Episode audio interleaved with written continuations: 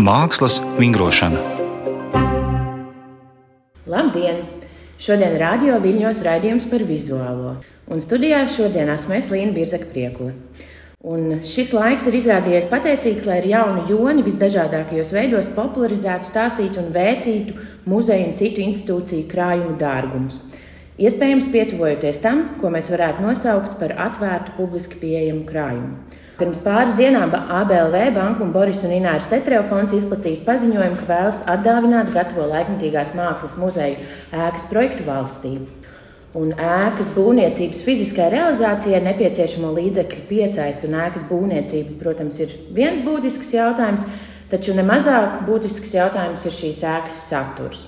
Tādēļ šodienas sarunai par eh, krājumiem kā vienojošu motīvu esmu izvēlējusies tieši laikmatīgās mākslas un arhīvu kolekcionēšanu. Un uz sarunu esmu aicinājusi Latvijas Nacionālā Mākslas muzeja krājuma darba vadītāju Dainu Auziņu. Sveika, Daina! Sveiki! Eh, starp citu, Daina arī paralēli ir izveidojusi un organizē Latvijas muzeja krājuma speciālistu darba grupu. Pareizi? Jā. Un eh, kā otra mūsu šodienas viesņa ir Latvijas Laikmatīgā mākslas centra pētniece un kuratore Ieva Astahovska. Sveiki, Ieva! Sveiki. Un Ieva ir eh, bijusi arī viena no topošā Latvijas Laikmatīgā mākslas muzeja krājuma veidošanas starptautiskās ekspertu komisijas loceklēm. Nu, lūk, un, Mēs varētu sākt ar tādu pavisam svaigu informāciju. Šī nedēļa kultūras nozarē ir bijusi priecīga, jo koalīcija ir apstiprinājusi 32 miljonu eiro finansējumu kultūras nozares finansiālās situācijas stabilizēšanai Covid-19 laikā. Kā viens no vizuālās nozares atbalsta mehānismiem jau nu, sākotnēji ir minēts tās augtais uh, Rūzvelta plāns kas varētu tikt realizēts caur šobrīd aktīvi strādājošu mākslinieku darbu iepirkumu Latvijas Nacionālajā Mākslas muzeja kolekcijai. Un varbūt mēs varētu iesildīties tiešām ar jautājumu, kā jūs um, vērtējat uh, šo iniciatīvu un uh, kādi no šī procesa būs ieguvumi ne tikai māksliniekam, bet varbūt arī kopumā sabiedrībai. Dāna, gribu sākt. Jā, es viennozīmīgi piekrītu, ka tur ieguvumi ir uh, visiem. Jo skaidrs, ka radošā vide šajā laikā Covid dēļ ir, ir ļoti, ļoti cietusi finansiālā ziņā. Un, uh, no šī viedokļa, protams, mākslas darbu pirkšana ir uh, brīnišķīgs veids, kā atbalstīt uh, māksliniekus un šo radošo vidi. Un, ja šie darbi tiek pirkti publiskai kolekcijai, nokļūst valsts īpašumā, tad ieguvēji, protams, ir visi arī mūsu sabiedrība un, un visi mākslas interesanti. Ne tikai vietējā mēroga, bet arī mūsu valsts viesi, kad nu, viņi atkal varēs pie mums viesoties. Tā kā es domāju, ka pati ideja par sevi ir, ir brīnišķīga un atliek to arī brīnišķīgā veidā realizēt. Ieva, tavs viedoklis? Nu, es piekrītu, tā ir ļoti apsveicama iniciatīva. Un, Jācer, ka tas arī ir kaut kāds zināms kompensācijas nezinu, mehānisms vai instruments eh, šeit tiešām krīzes situācijā, kur kultūra un īpaši mākslas, es arī teiktu, ir viena no nu, visvairāk cietušajām nozarēm. Jo māksla ir saistīta ar publiskumu, un, un publiskums ir, ir tas, kas pēdējos mēnešus tiešām ir bijis pilnībā apstādināts un paralizēts.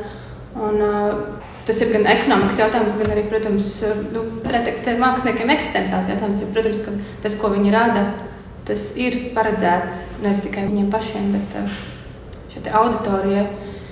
Bet, uh, mēģinot skatīties to tādā plašākā perspektīvā, nu, man liekas diezgan ironiski, ka risinājums nāk caur šo krīzi. Jo normāli būtu, ka, ka pastāv normāla politika, regulāra iepirkuma politika. Ar, ar tādiem gan skaidriem kritērijiem, ka tas nav tāds kaut kāds avārijas risinājuma gājiens, kā, kā tas mhm. izskatās šobrīd. Jā, jā, tam noteikti var piekrist, jo tas nav noslēpums, ka, ka tāda pastāvīga budžeta, kas gada no gada tiktu piešķirts no valsts puses priekš nacionālā krājuma papildināšanas, tāda nav. Un lielā mērā tas ir katras institūcijas rokās, vai viņi spēj kaut kādu daļu no peļņas savas novirzīt tam, lai papildinātu kolekcijas. Uh, tā iespēja ir retām institūcijām. Protams, ir bijuši atsevišķi gadījumi, kad valsts uh, kādos gados ir piešķīrusi naudu, bet uh, tie ir tiešām atsevišķi gadījumi. Tā nav tāda strateģiska un regulāra prakse. diemžēl. Nu jā, mēs, ja mēs griežamies pie šiem krīžu vēstures, tad, eh, tad brīdis, kad tā kļuva par regulāru praksi, patiesībā bija šie ekonomiskā burbuļu gadi, kad arī kultūrā bija krietni lielāks finansējums un, un visi jau ļoti optimistiski sāku pierast vai, vai uztvert to, ka tā ir norma. Un, protams, ka nāca krīze un tas viss tika nogriezts. Un, nu, jau patiešām aizmirsies, ka, ka tas kaut kādā brīdī faktiski arī eksistē kā, mm. kā tāda normāla praksa. Būtībā jau kolekciju neveido tikai šie finansiālie vai ekonomiskie lielumi, bet arī mm, tā ir vēsturiska vērtība un galu galā arī pašam māksliniekam, ja viņa darbs nonāk nacionālas nozīmes kolekcijā, viņš pēc tam to var ierakstīt savā CV un ir zināms, ka tiešām pēc tam arī viņa darbībai tas var būt kā ļoti labs atspēriena punkts. Bet ievtu pieskāries arī šiem kritērijiem un tam, kādiem kritērijiem uh, vajadzētu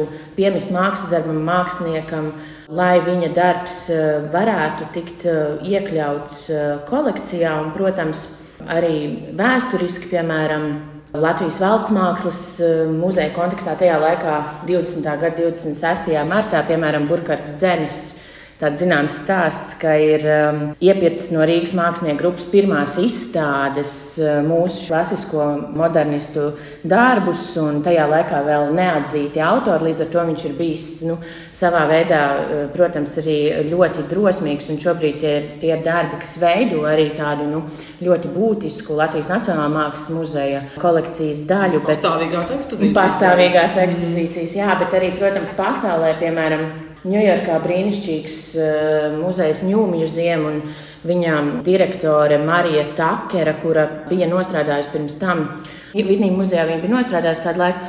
Un viņa dibināja šo ņūmju ziemu tieši ar mērķi pirkt vēl neatzītu, nepopulāru jaunu mākslinieku darbus, lai nu, tādā veidā arī nu, kaut kā stimulētu viņu darbību. Un, uh, jūs abas esat bijušas iesaistītas, vēl joprojām esat uh, iesaistītas laikmatīgo mākslas kolekciju iepirkuma komisijās.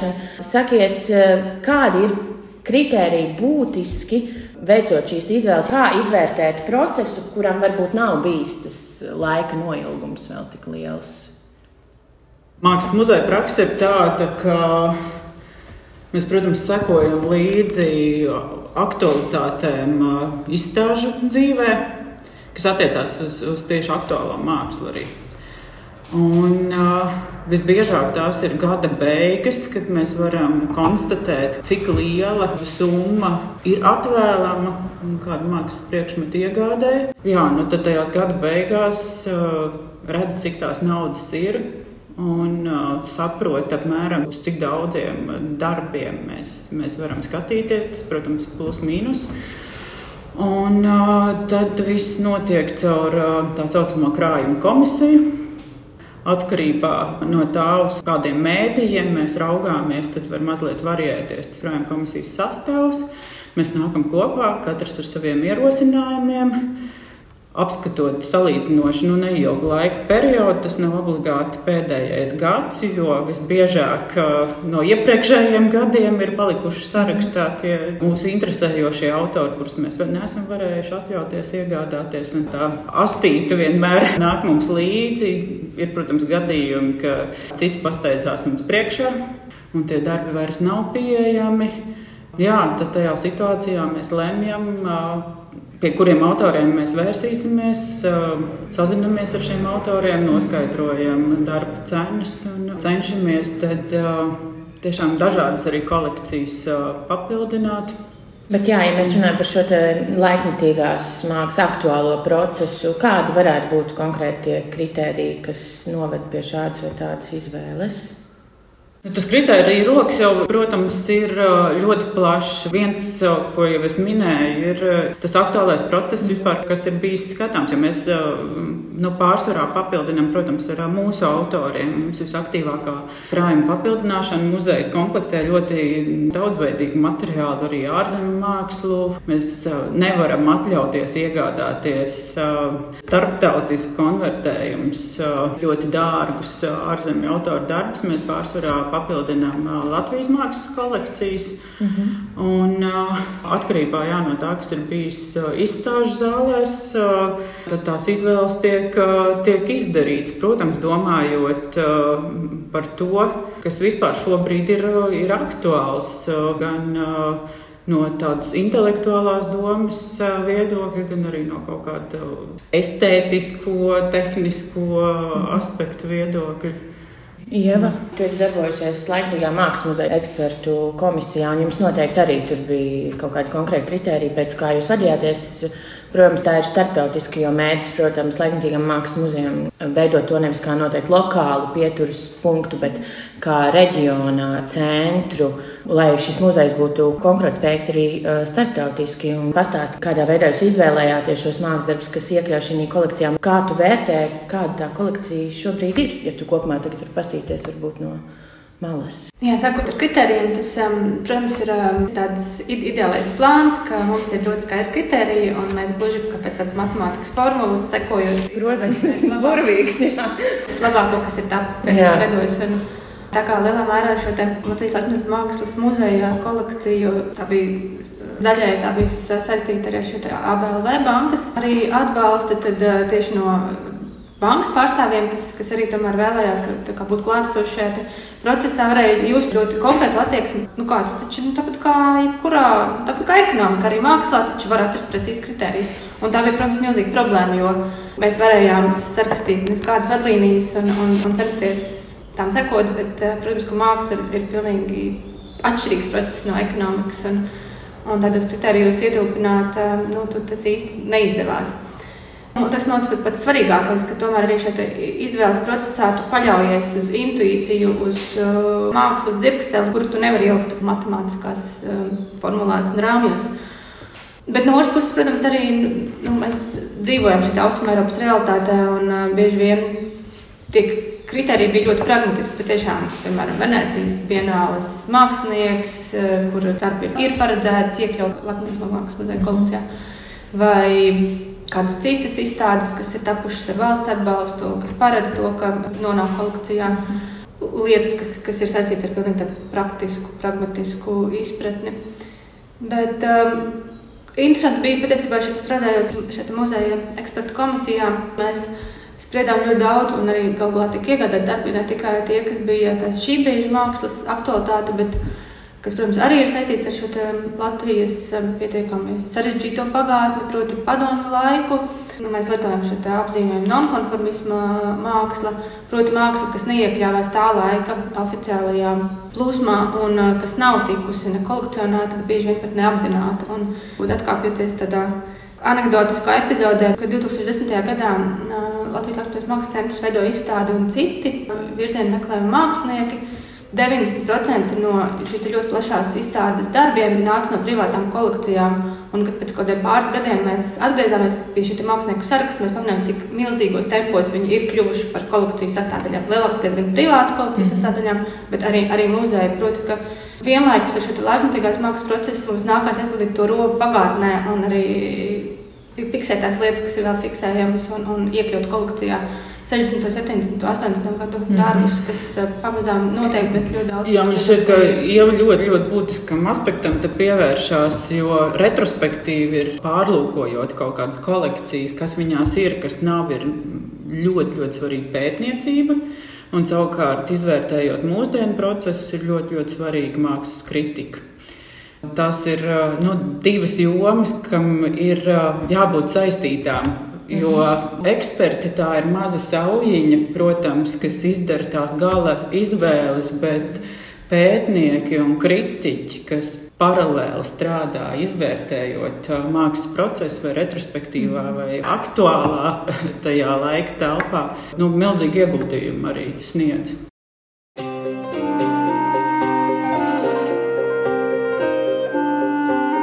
Mākslas vingrošana. Studijā kopā ar mani Līnu Birzaku Priekuli, Latvijas Nacionālā Mākslas muzeja vizuālā mākslas departamenta krājuma darba vadītāja Daina Auziņa un Latvijas laikmatīgā mākslas centra pētniece un kuratore Ieva Astahovska. Kāpēc es jums tā kā velku visu laiku ārā? To informāciju par tiem kritērijiem, jo nesen man sanāca piedalīties konferencē Kumu muzejā, kas bija veltīta sieviešu mākslinieču iekļaušanai muzeja kolekcijās, un um, tur uzstājās arī Zviedrijas Nacionālā mākslas muzeja kuratore. Un, uh, viņa stāstīja, kā uh, šis muzejs ir pievērsis īpašu uzmanību pēc rekonstrukcijas, tātad atveroties no jauna 19. un 20. gadsimta tēlniecēm, sievietēm, pārskatot šo savu kolekciju, iekļaut, gan eksponējot, gan iepērkot darbus. Un, um, mans nākamais temats, kam es gribētu pieskarties, ir tieši šīs te tendences tādā 21. gadsimta mākslas kolekciju papildināšanā, tādā plašākā kontekstā, kādas ir tās stratēģijas, ko pielieto muzejs, iepērkot mākslu, vai mums vajadzētu domāt arī vēl šādos plašākos teorētiskos lokos, ieva. Ārpus, respektīvi, konkrēta mākslinieka vai mākslas darba. Mūsdienās ļoti arī savā ziņā kļuvis komplicēti, jo tajā brīdī, kad notiek mākslas process, ir, ir grūti viņu arī tiešām izvērtēt un, un, un redzēt tādās kopsakarībās. Bet, protams, ka tā laika akcelerācija mūsdienās arī ļoti ietekmējusi. Un arī situācija mākslā, protams, mēs kaut kādā brīdī identificējam kaut ko kā noteiktu tendenci, kaut kādu parādību, kas prasās tikt pētīta plašāk, fiksēta arī caur, caur kolekcijām. Bet pēc pāris gadiem iespējams viņa ir kaut kur jau izzudusi un ir kaut kādas pilnīgi citas lietas. Un, un, protams, ka arī kaut kā neparedzēt soļus uz priekšu, ne arī kaut kā fundamentāli fiksēt lietas, kas šobrīd notiek. Pat nav iespējams, jo arī pati māksla kļūst daudz difūzāka. Un, jā, viņa, viņa neļaujās vairs tādam kaut kādam, protams, arī atgriežoties pie kaut kādiem mākslas vēstures tādiem atskatiem. Nu, mēs nevaram tur fiksēt kaut kādus, un visticamāk, arī nevarēs fiksēt kaut kādus tiešām stilus vai, vai, vai tādus mm -hmm. pamatīgus virzienus, kas mm -hmm. viss ir kaut kā daudz hibrīdāk. Un, un droši vien arī nav, nav nepieciešams mēģināt mākslīgi veidot kaut kādas konstrukcijas. Drīzāk patiešām spēt pamanīt to, kas ir tāds interesants un kaut kāds tāds dzirkstels. Bet tā pašā laikā no otras puses pagātnes klātbūtne mūsdienām ir ārkārtīgi svarīga, un viņi parādās arī ar laikmatīgās mākslas darbiem. Nu, piemēram, atkal atcaucoties no laikmatīgās mākslas projektiem. Mums šogad, šī gada projektu griezumā, mēs izceļam sieviešu, mākslinieču, sieviešu, bet vispār šo sieviešu feminismu, dzimtas studiju kontekstu. Un, um, Mēs pēkšņi pamanām, ka jā, ja tas iepriekš ir bijis kaut kas, pret ko bija liela pretestība, pašas, piemēram, mākslinieces, kas darbojas ar pietiekami feministisku uh, programmu, nevēlējās tikt saistīts ar šo dzimtas studiju aspektu. Mm -hmm. Šobrīd uh, ir daudz um, atbalstošākas, un, un tās ir kaut kādas lietas, kas mainās. Un, un viņas mainās arī lielā mērā pateicoties šim pagātnes pārskatīšanai un tādai lēnai sapratnē, ka, ka tas ir svarīgi. Un, attiecīgi, arī nu, tieši ar šo mūsu aktuālo projektu prizmu, ka, ka tā ir, lūk, es nezinu, vai to var nosaukt par tendenci vai kaut kādu parādību, bet, bet tas, lūk, ir aspekts, kas mākslā arī ir būtisks. Un, protams, tam arī attiecīgi būtu jāparādās. Piemēram, mm. mākslas muzeja kolekcijā mm. darbos. Droši vien tas vienkārši ir jautājums, ka Pašā tajās kolekcijās, arī piemēram Latvijas Nacionālajā mākslas muzeja kolekcijā, droši vien tas pamats jau ir. Viņš vienkārši ir kaut kādā veidā jāstrukturizē ar pētniecības, izstāžu darbības palīdzību, jāceļ ārā. Nu, jebkurā muzejā viena būtiska krājuma komplektēšanas daļa ir regulāra savu kolekciju pārskatīšana. Mm -hmm atrodot kaut kādas šīs zonas, kas ir palikušas nepārklātas kur ir iztrūkums. Nu, skaidrs, ka dažādos periodos ir dažādi bijuši vērtību kritēriji, un pagātnē ļoti bieži tie ir bijuši diezgan hierarhiski strukturēti, un ir, uh, ir virkne virzienu tendenci, kas ir izkrituši. Un līdz ar to pie krājuma komplektēšanas tas turklāt ir tieši tā, ka tās arī interešu sfēras periodiski mainās. Tāpēc arī tas krājums ir jāpārskata diezgan regulāri, jo vienā desmitgadē aktualizēsies varbūt. Uh, viens iztrūkstošais problēmu lokus, autoru lokus, un citā periodā atkal kaut kas cits. Un pie tādas mērķtiecīgas krājuma komplektēšanas tā ir viena normāla praksa, kam vajadzētu būt ik pa laikam pārskatīt, kas tajā kolekcijā ir un kas viņā trūkst. Bet tu, Daina, arī minēji šodien pirms mūsu sarunas par tām laikmatīgās kolekcionēšanas stratēģijām, koncepcijām. Varbūt tu vari pastāstīt, Jā. ko tas nozīmē.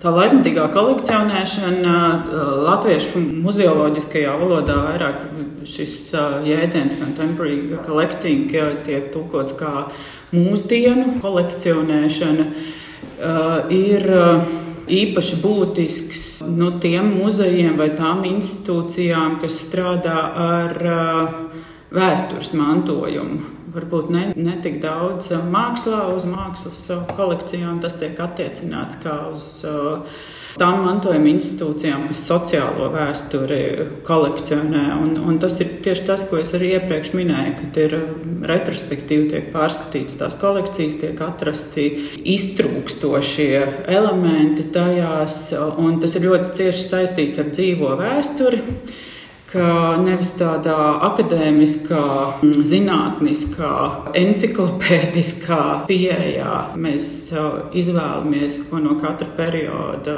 kādas materiālās liecības, kādus stāstus uh, iekļaut uh, šajās mantojuma institūciju kolekcijās bet uh, vairāk pievēršamies dzīvajai vēsturei un uh, tam, kas agrāk nav ticis novērtēts, un mēģinam tad, tad tās kolekcijas papildināt ar šādu veidu materiālu. Šis viss man sasaucās īstenībā ar tām kolīzijām, kas uh, gāja vaļā, kad ikon pagājušajā gadā mēģināja pārdefinēt, uh, kas vispār ir muzejs un kas ir muzeja pamatā. Un Starp citu, šo ikonu definīciju arī vēlējās pieteikt tieši feminisma mākslas muzeja direktore no Dānijas. Un, um, definīcijā bija trīs vārdu salikumi, kas raisīja ļoti lielas diskusijas. Kādēļ arī šī definīcija beigās netika pieņemta? Tas bija globālā vienlīdzība, rūpes par planētu, par vidi un šī sociālā vienlīdzība. Un tiešām lielie muzeji arī, kā var noprast, iestājās pret šo. Daini, varbūt tev ir kāds komentārs, jo tas, manuprāt, arī sasaucas ar šīm tendencēm, kolekcionējot laikmatīgo mūziku. Nu, tā ir šī neapstiprinātā, ikoma kongresā neapstiprinātā definīcija. Tā ir ļoti, ļoti liela, plaša tēma, par ko var uh, diskutēt uh, no dažādiem aspektiem. Uh, viņa šī definīcija tika kritizēta, bet tai, protams, bija arī savi, savi atbalstītāji. Tāpēc, ka viņi pirmkārt bija uz divām rindkopām. Viņi nemaz nelīdzinājās uh, tam, ko sauc par definīciju. Otrkārt, uh, tas vairāk uh, jā, līdzinājās kaut kādai vīzijai par to, kas varētu būt muzejs. Nerunāja par uh, lietām, kā, ar, ar kurām kā, muzejiem pēc būtības vajadzētu nodarboties. Viņi runāja, bet ļoti tādā plašā, ideālistiskā un uh, savā ziņā poētiskā valodā, balstoties tādā ilgspējas uzstādījumā. Jā, gan šis kaut kāds vizionārisms, eh, arī, piemēram, kolekcionētājs strādājot muzejā, bet, bet arī tāda praktiska, racionāla pieeja. Un, man, tas bieži vien uh, ir problēma, jo ir vaina vaina. Attieksme. Savukārt, uh, es nestrādāju muzejā, un, bet uh, kā reiz man šķiet, ka kaut kāds varbūt ideālistiskāks eh, skatījums būtu ļoti nepieciešams, bet, protams, tu nevari eh, balstīties tikai uz, uz, uz kaut kādu. Nu, kā vīzija man šķiet brīnišķīgi, tur ir jautājums, vai atbilst definīcijas uzstādījumam.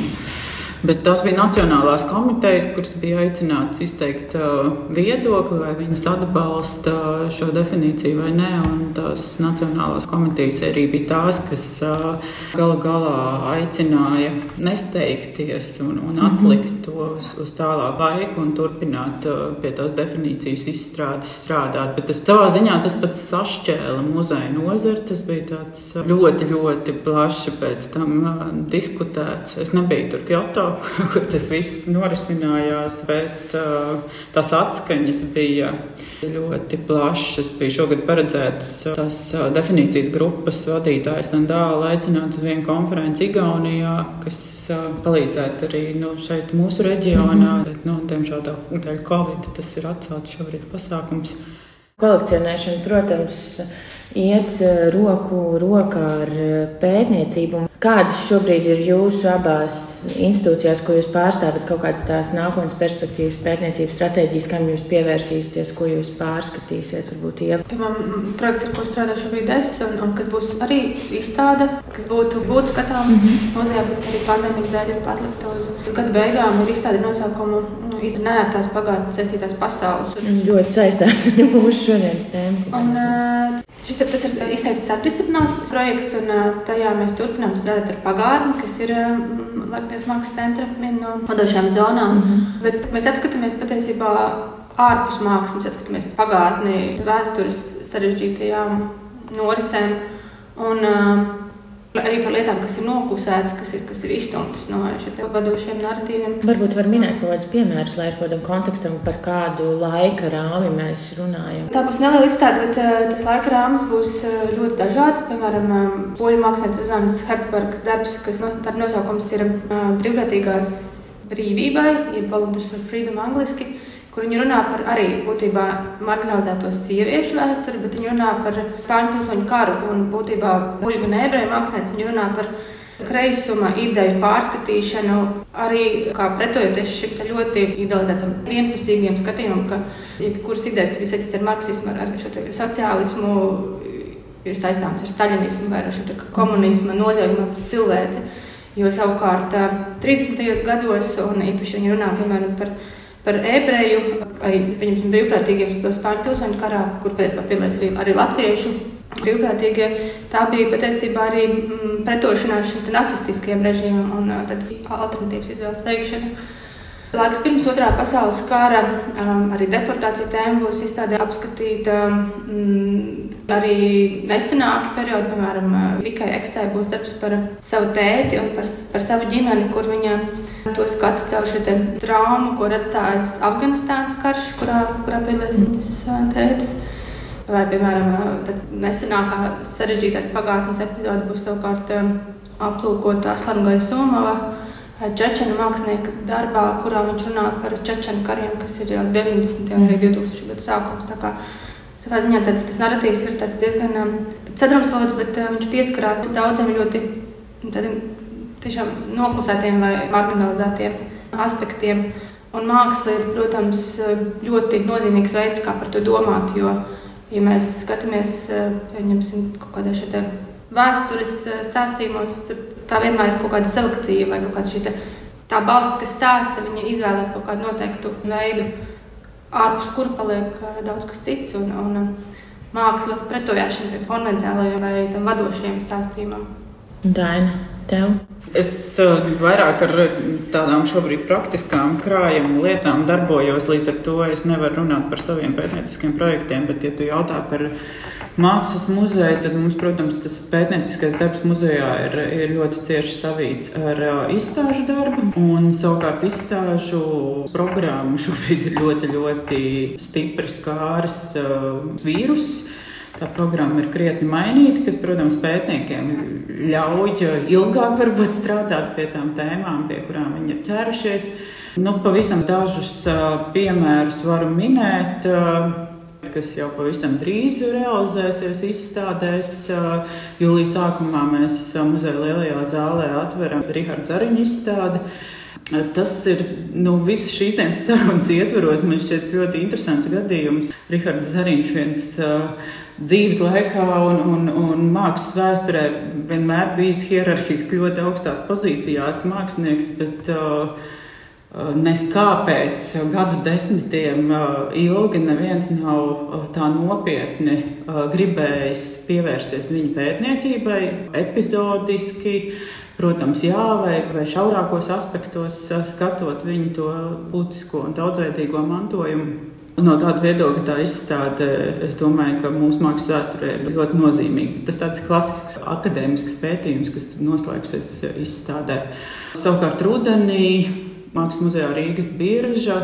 Atklāsim izstādi, kas būs veltīta uh, mūsu kolekciju izpētēji, tā kā Latvijas Nacionālās mākslas muzeja pamats uh, savā ziņā ir divi muzeji. Tas ir Rīgas pilsētas mākslas muzejs un valsts mākslas muzejs.